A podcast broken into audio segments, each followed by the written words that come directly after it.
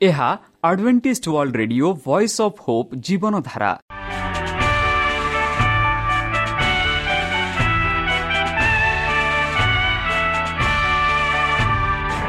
Odia radio କାର୍ଯ୍ୟକ୍ରମ ଯାହା ଆମର ଆନ୍ତର୍ଜାତୀୟ ଆଘାତ କେନ୍ଦ୍ରରୁ ପ୍ରସାରଣ କରାଯାଉଛି ପ୍ରତିଦିନ ରାତି ନଅଟା ତିରିଶ ମିନିଟ୍ରେ। ମୁଁ ସୁବ୍ରତ କୁମାର ପତି ପ୍ରେମର ସହ ଆପଣମାନଙ୍କୁ ଏହି କାର୍ଯ୍ୟକ୍ରମକୁ ସ୍ୱାଗତ କରୁଅଛି। ଚାଲନ୍ତୁ ଆଜିର ତିରିଶ ମିନିଟ୍ର କାର୍ଯ୍ୟକ୍ରମ ବିଷୟରେ ଜାଣିନେବା। ପ୍ରଥମେ ରଖିଛୁ ଆଧ୍ୟାତ୍ମିକ ଭକ୍ତିମୟ ଗୀତ।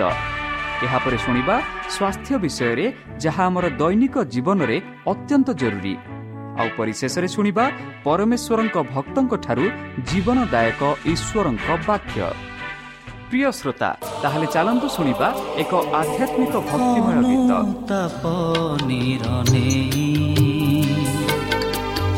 কাঁদে মন তারা ভাড়ে মুহি দেল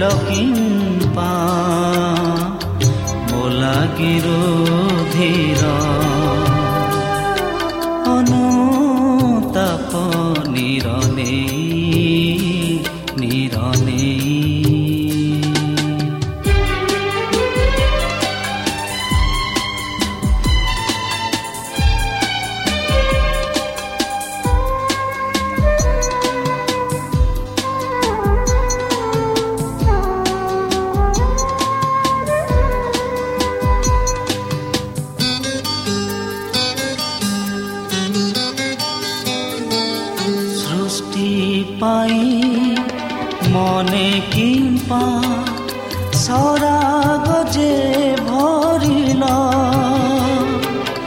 তুমি কিম্পা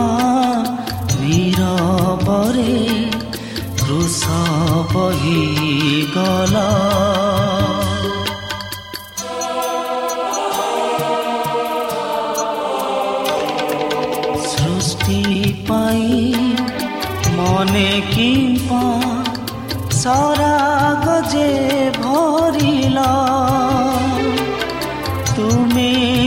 কিম্পা নীরবরে বহি গল কৃষ ঝরা বাণী তুম কেতে যে মধুর। কেতে যে মধুর।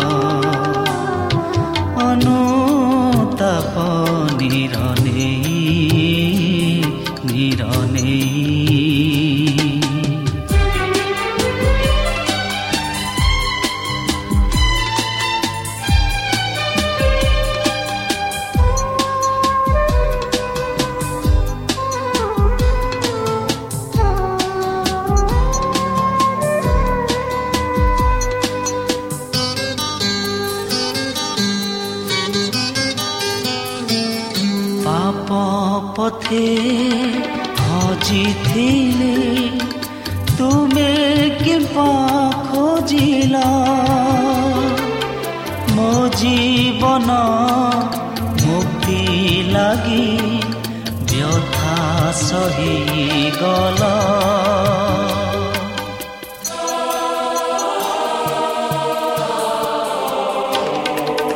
পাপ পথে খোঁজিলি তুমি কিবা খোঁজিল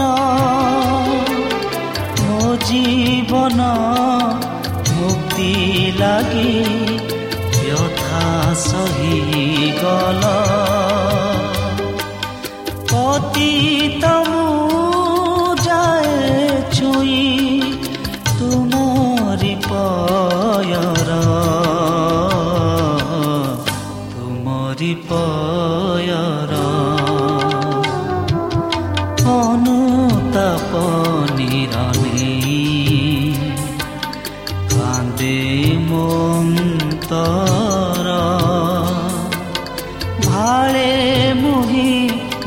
কি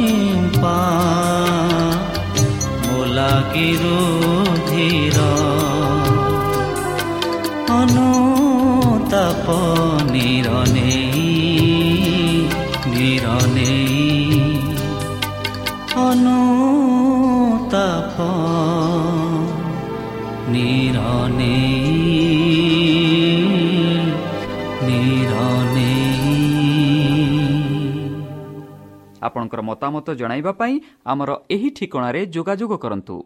ଆମ ଠିକଣା Adventist media centre SDA mission compound Salisbury park Pune ଚାରି ଏକ ଏକ ଶୂନ ତିନି ସାତ ମହାରାଷ୍ଟ୍ର। ବା ଖୋଲନ୍ତୁ ଆମର ୱେବସାଇଟ୍ ଯେକୌଣସି Android phone smartphone desktop laptop କିମ୍ବା ଟ୍ୟାବ୍ଲେଟ୍ ଆମର website W W W dot A W R dot O R G slash O R I ଏବଂ W W W dot Adventist media centre India dot O R G ବର୍ତ୍ତମାନ ଚାଲନ୍ତୁ ଶୁଣିବା ଈଶ୍ୱରଙ୍କ ଭକ୍ତଙ୍କଠାରୁ ଈଶ୍ୱରଙ୍କ ଜୀବନଦାୟକ ବାକ୍ୟ। ପୁନଃ ନିର୍ମାଣ ଭାଗ ଦୁଇ। ନମସ୍କାର ପ୍ରିୟ ଶ୍ରୋତା।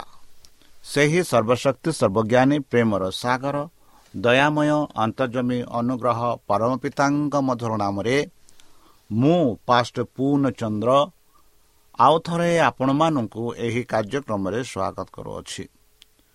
ସେହି ସର୍ବଶକ୍ତି ପରମେଶ୍ୱର ଆପଣମାନଙ୍କୁ ଆଶୀର୍ବାଦ କରନ୍ତୁ। ଆପଣଙ୍କୁ ସମସ୍ତ ପ୍ରକାର ଦୁଃଖ କଷ୍ଟ ବାଧା କ୍ଲେଶ ଓ ରୋଗରୁ ଦୂରେଇ ରଖନ୍ତୁ। ଶତ୍ରୁ ସଚେତନ ହସ୍ତରୁ ସେ ଆପଣଙ୍କୁ ସୁରକ୍ଷାରେ ରଖନ୍ତୁ। ତାହାଙ୍କ ପ୍ରେମ ତାହାଙ୍କ ସ୍ନେହ ତାହାଙ୍କ କୃପା ତାହାଙ୍କ ଅନୁଗ୍ରହ ସଦାସର୍ବଦା ଆପଣଙ୍କଠାରେ ସହବର୍ତ୍ତୀ ରହୁ। ପ୍ରିୟସତା ଚାଲନ୍ତୁ। ଆମ୍ଭେମାନେ କିଛି ସମୟ ପବିତ୍ର ଶାସ୍ତ୍ର ବାଇବଲଠୁ ତାହାଙ୍କ ଜୀବନଦାୟକ ବାକ୍ୟ ଧ୍ୟାନ କରିବା। ଆଜିର ଆଲୋଚନା ହେଉଛି ପୁନଃ ନିର୍ମାଣ ଭାଗ ଦୁଇ। ପୁନଃ ନିର୍ମାଣ ଭାଗ ଏକ ଗତକାଲି ଆମେ ଆଲୋଚନା କରିସାରିଛୁ। କି ଯେବେ ଆମେ ତାହାଙ୍କ ଆଜ୍ଞା ମାନିବା ବିଶ୍ୱାସ କରିବା ତେବେ ଆମେମାନେ ତାହାଙ୍କ ସନ୍ତାନ ସନ୍ତତି ସ୍ୱରୂପେ ଗଣନା କରାଯିବା। ଏଠି ଏହିପରି ପ୍ରଶ୍ନ ଆସେ ଯେ କ'ଣ ଏହା ଆବଶ୍ୟକ କି ସମସ୍ତ ବିଷୟରେ ଆମେ ଈଶ୍ୱରଙ୍କୁ ପ୍ରଶଂସା କରିବା ଆମ ଜୀବ ଜୀବନ ଚାଲନରେ ଯେପରିକି ପ୍ରଥମ ଜହନ ତିନି କୋଡ଼ିଏ ଏକୋଇଶରେ ଆମେ ପାଉଛୁ ବନ୍ଧୁ ଜହନ ଏହିପରି ଲେଖନ୍ତି କି ପୁଣି ଯେକୌଣସି ବିଷୟରେ ଆମମାନଙ୍କ ହୃଦୟ ଆମମାନଙ୍କୁ ଦୋଷୀ କରେ ସେ ବିଷୟରେ ତଦ୍ୱାରା ତାହାଙ୍କ ଛାମୁରେ ଆପଣାମାନଙ୍କର ହୃଦୟ ସ୍ତୁତିର କରିପାରିବ କାରଣ ଈଶ୍ୱର ଆମମାନଙ୍କୁ ହୃଦୟଠାରୁ ମହାନ ଓ ସେସବୁ ଜାଣନ୍ତି। ହେ ପ୍ରିୟମାନେ ଆମ୍ଭେମାନେ ହୃଦୟ ଯଦି ଆମମାନଙ୍କୁ ଦୋଷୀ ନ କରେ ତାହେଲେ ଈଶ୍ୱରଙ୍କ ଛାମୁରେ ଆମମାନଙ୍କର ସାହସ ଅଛି।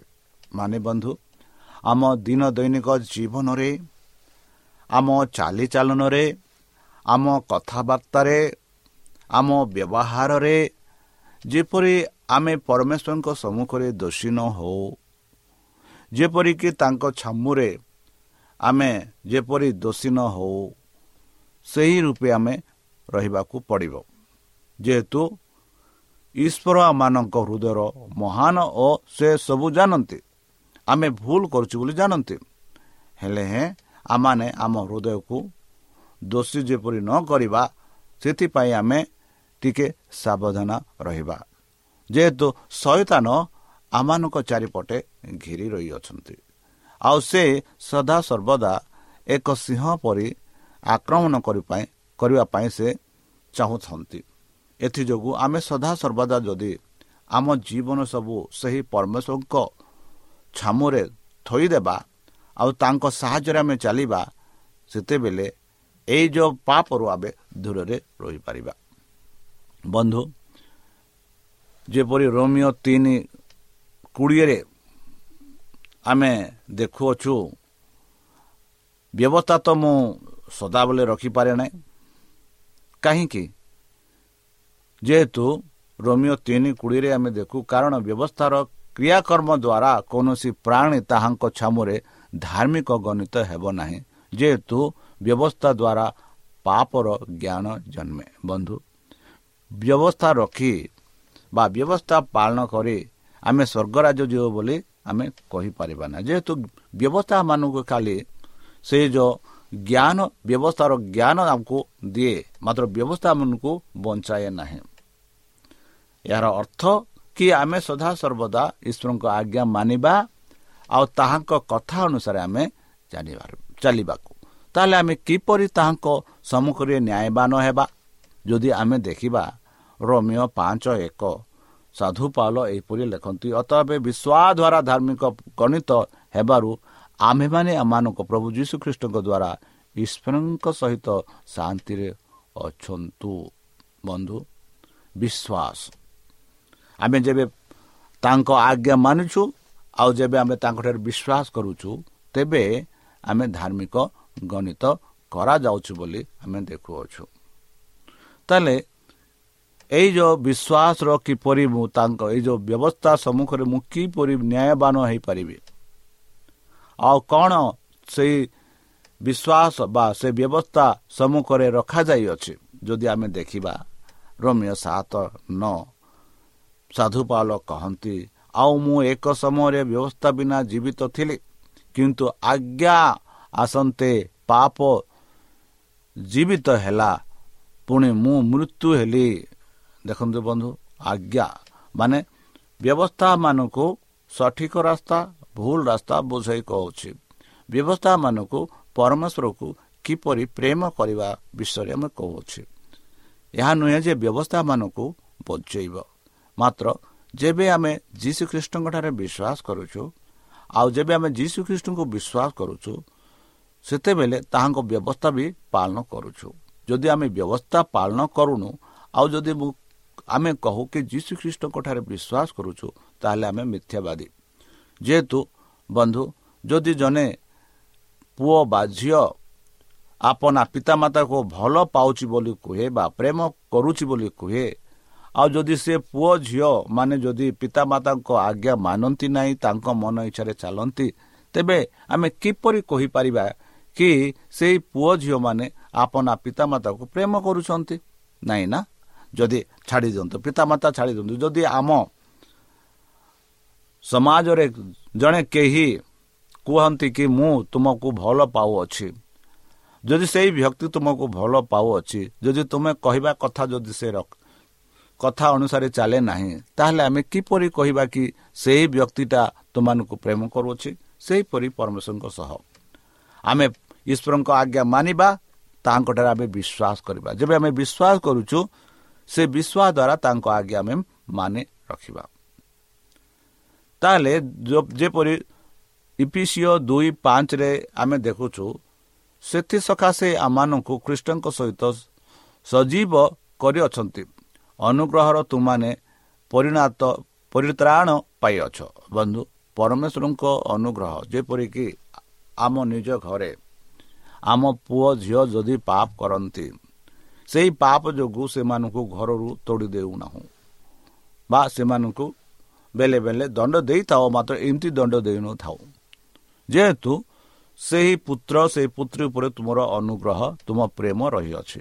ସେହିପରି ଯୀଶୁ ଖ୍ରୀଷ୍ଟ ମଧ୍ୟ ଆମମାନଙ୍କୁ ସେହି ତାଙ୍କ ଅନୁଗ୍ରହ ଯେତେବେଳେ ଆମେ ପାପ କରୁଛୁ ସେତେବେଳେ ଯୀଶୁ ଆମମାନଙ୍କୁ ଦଣ୍ଡିତ କରେ ନାହିଁ ମାତ୍ର ତାହାଙ୍କ ଅନୁଗ୍ରହ ମାନଙ୍କୁ ପ୍ରଦାନ କରିଥାନ୍ତି ସେଥିଯୋଗୁଁ ଆମେ ଏଫିସିଓ ଦୁଇ ପାଞ୍ଚରେ ପାଉଛୁ ସେଥିସକାଶେ ଆମମାନଙ୍କୁ ଖ୍ରୀଷ୍ଟଙ୍କ ସହିତ ସଜୀବ କରିଅଛନ୍ତି ଅନୁଗ୍ରହରେ ତୁମାନେ ପରିତ୍ରାଣ ପାଇଅଛ ବୋଲି ସାଧୁପାଲ ଏଫିସିଓ ଦୁଇ ପାଞ୍ଚରେ କହୁଅଛନ୍ତି ତିତଶ ତିନି ପାଞ୍ଚରେ ତିତଶ ଏହିପରି କହନ୍ତି ଯେ ଯେତେବେଳେ ସେ ଆମମାନଙ୍କ କୃତ ଧର୍ମକର୍ମ ସକାଶେ ନୁହେଁ ମାତ୍ର ଆପଣାର ଦୟାନୁସାରେ ପୁନର୍ଜନ୍ମର ପ୍ରାକ୍ଷଳନ ଓ ପବିତ୍ର ଆତ୍ମାଙ୍କ ନୂତନୀକରଣ ଦ୍ୱାରା ଆମମାନଙ୍କୁ ପରିତ୍ରାଣ କରିଅଛନ୍ତି।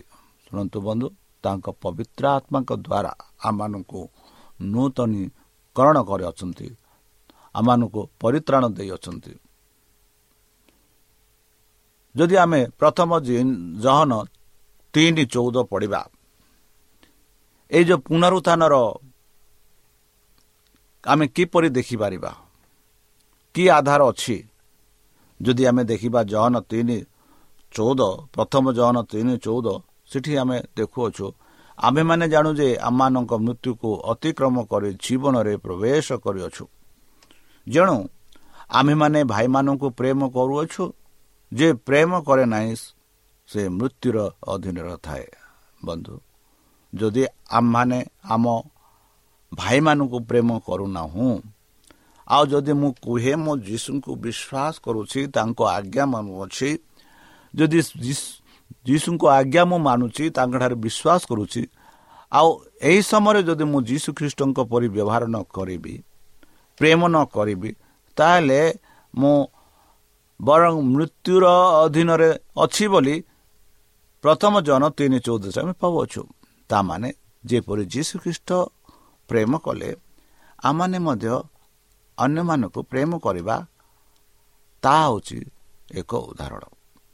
ଯେପରିକି ଆଦି ଦୁଇ ନରେ ଯଦି ଦେଖିବା ମଣିଷ ପତନ ହେବା ପୂର୍ବେ ସେ କି ପ୍ରକାର ପରମେଶ୍ୱରଙ୍କ ସହ ସାକ୍ଷାତ କରିଥିଲା? ଆଦି ଦୁଇ ନରେ ଯଦି ଆମେ ଦେଖିବା ସଦାପ୍ରଭୁ ପରମେଶ୍ୱର ସେହି ଭୂମିର ନାନା ଜାତୀୟ ସଦୃଶ୍ୟ ସୁଖାଦ୍ୟ ବୃକ୍ଷ ପୁଣି ସେହି ଉଦ୍ୟାନର ମଧ୍ୟସ୍ଥାନରେ ଅମୃତ ବୃକ୍ଷ ଓ ସତ୍ ସଦ୍ ଜ୍ଞାନଦାୟକ ବୃକ୍ଷ ଉତ୍ପନ୍ନ କଲା। ଦେଖନ୍ତୁ ବନ୍ଧୁ ଏକ ବିଶେଷ ମଣିଷକୁ ସେହି ଏଦନରେ ପତନ ହେବା ପୂର୍ବ ମଣିଷକ ମଣିଷର ଯେପରି ତାଙ୍କ ଯୀଶୁ ଖ୍ରୀଷ୍ଟଙ୍କୁ ବା ପରମେଶ୍ୱରଙ୍କୁ ବିଶ୍ୱାସ ରଖୁଛନ୍ତି କି ନାହିଁ ପରମେଶ୍ୱରଙ୍କ ଆଜ୍ଞା ମାନୁଛନ୍ତି କି ନାହିଁ ତାହା ଦେଖିବା ପାଇଁ ପରମେଶ୍ୱର ସେହି ଏଦନରେ ଏକ ସୁଖାଦ୍ୟ ବୃକ୍ଷ ବୃକ୍ଷ ଓ ପୁଣି ସେହି ଉଦ୍ୟାନର ମଧ୍ୟସ୍ଥ ସ୍ଥାନରେ ଏକ ଅମୃତ ବୃକ୍ଷ ଓ ସତ୍ ସଦ୍ ଜ୍ଞାନଦାୟକ ବୃକ୍ଷ ଉତ୍ପନ୍ନ କଲେ ବୋଲି ଆମେ ଦେଖୁଅଛୁ ଦୁଇଟା ବୃକ୍ଷ ଆଉ ସେଇ ଦୁଇ ବୃକ୍ଷରେ ଅନେକ ବୃକ୍ଷ ଥିଲା ଯାହାକି ସୁଖାଦ୍ୟ ଥିଲା। ବନ୍ଧୁ ଆଦି ପୁସ୍ତକ ତିନି ଚବିଶ ଯଦି ଦେଖିବା ଏହି ରୂପେ ସେ ଆଦମକୁ ତଡ଼ିଦେଲେ ପୁଣି ଅମୃତ ବୃକ୍ଷର ପଥ ରକ୍ଷା କରିବା ନିମନ୍ତେ। ଏଦନ ଉଦ୍ୟାନର ପୂର୍ବ ଦିଗରେ କିରୁବଗଣ ଓ ଚତୁର୍ଗ ଦିଗରେ ଗୁଣାମୟ ଜ୍ୟୋତିମୟ ଖଡ଼କ ସ୍ଥାପନ କଲେ। ବନ୍ଧୁ ଯେବେ ଆଦମ ହବା ସେହି ବୃକ୍ଷର ଫଳ ଖାଇସାରିଲେ ଯେବେ ସେମାନେ ପାପ କଲେ ଯେଉଁ ବୃକ୍ଷକୁ ପରମେଶ୍ୱର ମନା କରିଥିଲେ ସେହି ବୃକ୍ଷର ଫଳ ଯେବେ ସେ ଖାଇଲେ ଆଉ ଯେବେ ପରମେଶ୍ୱର ଜାଣିଲେ କି ଏମାନେ ପାପି ହୋଇଛନ୍ତି। ଯେବେ ପରମେଶ୍ୱର ଜାଣିଲେ ଏମାନେ ସଠିକ ଭୁଲ ବିଷୟରେ ଜାଣିଛନ୍ତି ଜ୍ଞାନ ପାଇଛନ୍ତି। ଆଉ ସେଥିଯୋଗୁଁ ଯେଉଁ ଅମୃତ ବୃକ୍ଷ ଥିଲା ସେହି ଏଦନରେ ସେହି ବୃକ୍ଷକୁ ସୁରକ୍ଷା କରିବା ପାଇଁ ସେମାନଙ୍କୁ ସେହି ଏଦନରୁ ବାହାର କଲେ। ଆଉ ସେହି ବୃକ୍ଷ ରକ୍ଷା କରିବା ପାଇଁ ତାର ଚତୁର୍ଥ ଦିଗରେ ପୂର୍ବ ଦିଗରେ କିରୁବ ଗଣ ଓ ଚତୁର୍ଥ ଦିଗରେ ଘୃଣାମୟ ଚେତମୟ ଖଡ଼କ ସ୍ଥାପନ କଲେ। ଯେପରି ସେମାନେ ଆଉ ହାତ ନ ଦେଇ ସେହି ଅମୃତ ବୃକ୍ଷ ନ ଖାଆନ୍ତୁ ବୋଲି ପରମେଶ୍ୱର କହିଥିଲେ। ତାହେଲେ ସେମାନେ ପତନ ହେବାର କାରଣ କ'ଣ? ଯେପରି ଆମେ ଆଦି ତିନି ସତରରେ ଦେଖିବା ଆଉ ସେ ଆଦମକୁ କହିଲେ ଯେପରି ବୃକ୍ଷର ଫଳ ଖାଇବା ବିଷୟରେ ଆମେ ତୁମକୁ ଆଜ୍ଞା ଦେଇ କହିଅଛୁ ତାହା ଖାଇବ ନାହିଁ। ତୁମେ ଆପଣା ଭାର୍ଯ୍ୟାର କଥା ଶୁଣି ତାହା ଖାଇଅଛ। ଏଣୁ ତୁମ ସକାଶୁ ଭୂମି ସାପଗ୍ରସ୍ତ ହେଲା। ତୁମେ ଯାବଜୀବନ କ୍ଲେଶରେ ତହିଁରୁ ଭକ୍ଷ ପାଇବ। ବନ୍ଧୁ ଆମେ ଏହି କାହାଣୀ ସୁନ୍ଦର ଭାବରେ ଦେଖୁଅଛୁ। ଯେବେ ସୈତାନ ଯେଉଁ ବୃକ୍ଷରେ ଯେଉଁ ବୃକ୍ଷର ଫଳ ଖାଇବାକୁ ପରମେଶ୍ୱର ମନା କରିଥିଲେ ସେହି ବୃକ୍ଷ ଢାଲ ଡାଲରେ ବସି ସେହି ସର୍ପ ହବାକୁ ପ୍ରଲୋଭନ କଲେ। ଆଉ ହବା ତାହା ପ୍ରଲୋଭନରେ ପଡ଼ି ସେହି ସତ୍ ସତ୍ ଜ୍ଞାନଦାୟକ ବୃକ୍ଷ ଖାଇଲେ। ଆଉ ସେ ଖାଇଲେ ତାହା ହିଁ ନୁହେଁ ଆପଣା ପତ୍ନୀକୁ ଦେଲେ। ଆଉ ଯେବେ ପରମେଶ୍ୱର ସେହି ସମୟରେ ଏଦନକୁ ଆସିଲେ ସେମାନଙ୍କ ସହ ସାକ୍ଷାତ କରିବା ବେଳେ ଏହି କାହାଣୀ ଦ୍ୱାରା ଆମେ ଦେଖାଉଛୁ ସେମାନେ ଲୁଚୁଛନ୍ତି। ଆଉ ପରମେଶ୍ୱର ସେମାନଙ୍କୁ ଏହିପରି ପ୍ରଶ୍ନ କରୁଛନ୍ତି। ଆଉ ସେ ଆଦମକୁ କହିଲେ ଯେଉଁ ବୃକ୍ଷର ଫଳ ଖାଇବା ବିଷୟରେ ଆମ୍ଭେ ତୁମକୁ ଆଜ୍ଞା ଦେଇ କହିଅଛୁ ତାହା ଖାଇବ ନାହିଁ। ତୁମେ ଆପଣା ଭାର୍ଯ୍ୟର କଥା ଶୁଣି ତାହା ଖାଇଅଛ। ଏଣୁ ତୁମ ସକାଶୁ ପୁଣି ସାପଗ୍ରସ୍ତ ହେଲା। ତୁମେ ଯାବଜୀବନ କ୍ଲେଶରେ ତହିଁରୁ ଭକ୍ଷ୍ୟ ପାଇବ ବନ୍ଧୁ। ତା ପୂର୍ବରେ ଆଦମ ହବା ଏମିତି କିଛି କାର୍ଯ୍ୟ ନ କରୁଥିଲେ। ଆରାମରେ ରହି ଆରାମରେ ଖାଉଥିଲେ। ବର୍ତ୍ତମାନ ତାଙ୍କ ପାପ ଯୋଗୁଁ ଏହି ପୃଥିବୀ ସାପଗ୍ରସ୍ତ ହେଲା। ଆଉ ସେହି ସମୟରୁ କଣ୍ଟା ବାହାରିଲା। ଗଛର ପତ୍ର ପଡ଼ିବାର ଆରମ୍ଭ ହେଲା। ଅନେକ ପ୍ରକାର ବିଭିନ୍ନ ହେଲା। ଯାହାଦ୍ୱାରା ମଣିଷ ବୃଦ୍ଧ ହେବାର ଆରମ୍ଭ ହେଲା ପଶୁମାନେ ବୃଦ୍ଧ ଆରମ୍ଭ ହେଲେ ଆଉ ପଶୁମାନେ ହିଂସାତ୍ମରେ ପରିଣତ ହୋଇଥିଲେ। ବନ୍ଧୁ ଆମ ଆଦି ପିତାମାତା କାହାର ପ୍ରଲୋଭନ ଦେଇ ଏମାନେ ସେପରି କଲେ? ଯଦି ଦ୍ୱିତୀୟ ପିତର ଦୁଇ ଉଣେଇଶ ଏବେ ଦେଖିବା ସେମାନେ ସେ ସେମାନଙ୍କୁ ସ୍ୱାଧୀନତାର ପ୍ରତିଜ୍ଞା ଦିଅନ୍ତି କିନ୍ତୁ ନିଜେ ବିନାଶର ଦାସ ଅଟନ୍ତି। କାରଣ ସେ ଯେ ଯାହା ଦ୍ୱାରା ପରାସ୍ତ ହୁଏ ସେ ସେଥିରେ ଦାସ ବନ୍ଧୁ। ବର୍ତ୍ତମାନ ଆମେ ଏହି ପୃଥିବୀରେ ବାସ କରୁଅଛୁ।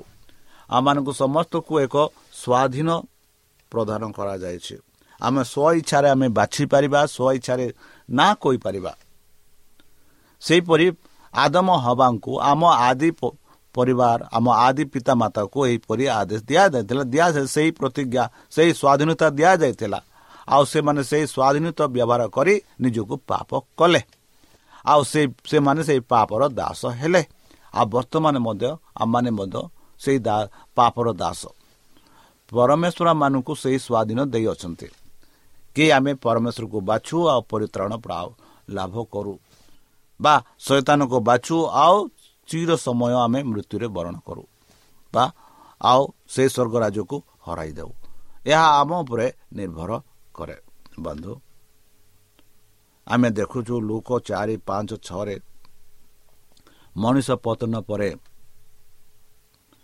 ଏଇ ଯେଉଁ ପୃଥିବୀରେ ଶୈତାନ କିପରି ଅଧୀନର ନିଜ ଅଧୀନରେ ରଖିଥିଲା?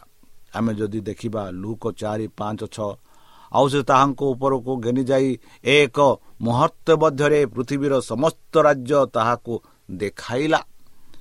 ପୁଣି ଶୈତାନ ତାହାଙ୍କୁ କହିଲା ଆମ୍ଭେ ତୁମକୁ ଏ ସମସ୍ତ ଅଧିକାର ଓ ଏସବୁର ଐଶ୍ୱର୍ଯ୍ୟ ଦେବା କାରଣ ଆମ୍ଭକୁ ତାହା ସମର୍ପିତ ହୋଇଅଛି। ଆଉ ଆମ୍ଭେ ଯାହାକୁ ଇଚ୍ଛା ତାହାକୁ ତାହା ଦେଉ। ବନ୍ଧୁ ଆମେ ଏହି କାହାଣୀ ବିଷୟରେ ଭଲ ଭାବରେ ଜାଣିଅଛୁ। ଶୈତାନ ଯେବେ ଯୀଶୁଖ୍ରୀଷ୍ଟ ଚାଳିଶ ଦିନ ଚାଳିଶ ରାତି ଉପବାସ ରହିଥିଲେ ସେତେବେଳେ ଶୈତାନ ସେହି ଉପବାସର ଫାଇଦା ଉଠାଇବା ପରେ ଚେଷ୍ଟା କଲେ। ଆଉ ଯୀଶୁଖ୍ରୀଷ୍ଟକୁ ଏହିପରି ପରୀକ୍ଷା କଲେ। ଆଉ ଏହିପରି ପରୀକ୍ଷା କଲେ କି ଯୀଶୁଖ୍ରୀଷ୍ଟଙ୍କୁ ଏକ ଉଚ୍ଚ ସ୍ଥାନକୁ ନେଲେ। ଆଉ କହିଲେ ଦେଖ ଏହି ସାରା ପୃଥିବୀ ମୋ ଅଧୀନରେ ଅଛି। ମୋ ଅଧୀନରେ ଅଛି। ଆଉ ମୁଁ ଏହିସବୁ ତୁମକୁ ଦେବି ବୋଲି ଶୈତାନ ଯୀଶୁଖ୍ରୀଷ୍ଟକୁ କହିଥିଲେ। ଆମେ ତାହାର ଯୀଶୁଖ୍ରୀଷ୍ଟ କିପରି ଉତ୍ତର ଦେଇଥିଲେ ଆମେ ଦେଖିବା। ଯୀଶୁଖ୍ରୀଷ୍ଟ ସୁନ୍ଦର ଭାବରେ ଉତ୍ତର ଦେଇଥିଲେ। ଆଉ ତାହା ଯଦି ଆମେ ପଢ଼ିବା ମାଥ୍ୟୁ ଚାରି ପର୍ବ ଆମେ ସ୍ପଷ୍ଟ ରୂପେ ଜାଣିପାରିବେ। ଜାଣିପାରିବା। ବନ୍ଧୁ ଆମର ସମ୍ପତ୍ତି କ'ଣ ମନୁଷ୍ୟକୁ ଉଦ୍ଧାର ଦେଇପାରିବ? ନା ମଣିଷକୁ ଉଦ୍ଧାର ଦେଇପାରିବ ନାହିଁ ଈଶ୍ୱରଙ୍କ ରକ୍ତ ହିଁ ମନୁଷ୍ୟକୁ ଉଦ୍ଧାର କରିପାରିବ। ଯେପରିକି ପ୍ରଥମ କର ଯେପରି ଇଫିସିଓ ଏକ ତେର ଚଉଦରେ ଆମେ ପାଉଅଛୁ ତାହାଙ୍କଠାରେ ତୁମାନେ ସୁଦ୍ଧା ସତ୍ୟ ବାକ୍ୟ ଅର୍ଥାତ୍ ତୁମାନଙ୍କ ପରିତ୍ରାଣର ସୁସମାଚାର ଶୁଣି ବିଶ୍ୱାସ କରି ପ୍ରତିଜ୍ଞା ପବିତ୍ର ଆତ୍ମାଙ୍କ ଦ୍ୱାରା ମଧ୍ୟ ମୁଦ୍ରାଙ୍କିତ ହୋଇଅଛ। ଈଶ୍ୱରଙ୍କ ଗୌରବର ପ୍ରଶଂସା ନିମନ୍ତେ ତାହାଙ୍କ ନିଜସ୍ୱର ମୁକ୍ତି ଉଦ୍ଦେଶ୍ୟରେ ସେ ଆମମାନଙ୍କ ଅଧିକାରର ବଇନା ସ୍ୱରୂପ। ବନ୍ଧୁ ପରମେଶ୍ୱର ଆମମାନଙ୍କୁ ସେହି ବାକ୍ୟ ଦେଇଛନ୍ତି। ସେହି ବାକ୍ୟ ହେଉଛନ୍ତି ତାହାଙ୍କ ପୁତ୍ର। ଯଦି ତାଙ୍କଠାରେ ଆମେ ବିଶ୍ୱାସ କରିବା ଆଉ ତାଙ୍କ ପ୍ରତିଜ୍ଞାରେ ଆମେ ବିଶ୍ୱାସ କରିବା ତାଙ୍କୁ ମାନିବା ଆଉ ତାଙ୍କୁ ପ୍ରଶଂସା କରିବା ନିଶ୍ଚିତ ରୂପେ ଆମେ ପରିତ୍ରାଣ ପାଇପାରିବା। ମାତ୍ର ଆମ ଧନ ଦର୍ପ ଦ୍ୱାରା ଆମେ କେବେ ହେଲେ ସେହି ପରିତ୍ରାଣ ପ୍ରାପ୍ତ କରିପାରିବା ନାହିଁ। ଆଗକୁ ଯଦି ପଡ଼ିବା ଦ୍ୱିତୀୟ ପିତର ତିନି ବାର ତେରରେ ସେହି ଦିନର ଆଗମନର ଅପେକ୍ଷା କରି ତାହା ଯେପରି ଶୀଘ୍ର ଆସିବ ଏଥିପାଇଁ ତୁମମାନଙ୍କର କିପରି ସଦାଚାରୀ ଓ ଧର୍ମ ଧର୍ମ ପରାୟଣ ହେବା ଉଚିତ? ଆମମାନେ ତାହାଙ୍କ ପ୍ରତିଜ୍ଞା ଅନୁସାରେ ଗୋଟିଏ ନୂତନ ଆକାଶ ମଣ୍ଡଳ ଓ ନୂତନ ପୃଥିବୀର ଅପେକ୍ଷାରେ ଅଛୁ ଯାହା ଧାର୍ମିକତାର ଆବସ୍କାଳ ଆବସ୍ତ ତଳ ହେବ। ବନ୍ଧୁ କେଡ଼େ ସୁନ୍ଦର ଭାବରେ ପିତର ଆମମାନଙ୍କୁ ବୁଝେଇ କହୁଛନ୍ତି ଆମେ ସେହି ଦିନ ପାଇଁ ଅପେକ୍ଷା କରୁଅଛୁ ଯେବେ ସେହି ପରମେଶ୍ୱର ଆପଣା ଦୂତଙ୍କ ସହ ଏହି ପୃଥିବୀକୁ ଆସିବେ ଆଉ ସମସ୍ତଙ୍କୁ ସେହି ସ୍ୱର୍ଗ ରାଜ୍ୟକୁ ନେଇଯିବେ। ସମସ୍ତଙ୍କୁ ସେହି ସ୍ୱର୍ଗକୁ ନେଇଯିବେ। କ'ଣ ଆପଣମାନେ ସେହି ସ୍ୱର୍ଗ ରାଜ୍ୟ ଯିବା ପାଇଁ ଇଚ୍ଛା କରୁଛନ୍ତି କି? ଯୀଶୁ ପ୍ରଭୁ ଏହି ପୃଥିବୀକୁ ଆସିଲେ। ଯେପରି ଆମମାନେ ଆପଣମାନେ ମୁଁ ସମସ୍ତେ ମିଶି ସେହି ସ୍ୱର୍ଗ ରାଜ୍ୟକୁ ଯାଇପାରିବା। ତାହେଲେ ମୁଁ ଯିବା ପାଇଁ ଚାହୁଁଅଛି। ଆପଣମାନେ ଯିବା ପାଇଁ ଚାହୁଁଅଛ କି? ତାହେଲେ ଚାଲନ୍ତୁ ନିଜକୁ ସମର୍ପଣ କରି ତାହାଙ୍କ ମଧୁର ନାମରେ ଆମେ ପ୍ରାର୍ଥନା ଉତ୍ସର୍ଗ କରିବା। ହେ ଆମମାନଙ୍କ ସର୍ବଶକ୍ତି ସର୍ବଜ୍ଞାନୀ ପ୍ରେମର ସାଗର ଦୟାମୟ ଅନ୍ତର୍ଜମୀ ଅନୁଗ୍ରହ ପରମ ପିତା ଧନ୍ୟବାଦ ଅର୍ପଣ କରୁଛୁ ପ୍ରଭୁ ବର୍ତ୍ତମାନ ଯେଉଁ ବାକ୍ୟ ତୁମ ସେହି ଭକ୍ତ ଶୁଣାଇଲେ ସେହି ବାକ୍ୟ ଅନୁସାରେ ଏମାନଙ୍କୁ ଚାଲିବା ପାଇଁ ବୁଦ୍ଧିରେ ଜ୍ଞାନରେ ଶକ୍ତିରେ ପରିପୂର୍ଣ୍ଣ କର। ଆମ ପାପ ସବୁ ତୁମ ସେହି ବହୁମୂଲ୍ୟ ରକ୍ତରେ ପରିଷ୍କାର ରୂପେ ଧୋଇ ଦିଅ ଆଉ ପରିଶେଷ ଯେବେ ତୁମ୍ଭେ ତୁମ ସେହି ସହସ୍ର ଦୂତଙ୍କ ସହ ଆସିବେ ସେତେବେଳେ ଆମମାନଙ୍କୁ ଏକ ବାସସ୍ଥାନ ଦିଅ ବୋଲି ତ୍ରାଣକର୍ତ୍ତା ପ୍ରଭୁ ଯୀଶୁଙ୍କ ମଧୁରମୟ ନାମରେ ଏହି ଛୋଟ ବିକ୍ଷମ ହେଉଛି ଶୁଣି ଗ୍ରହଣ କର ଆମେ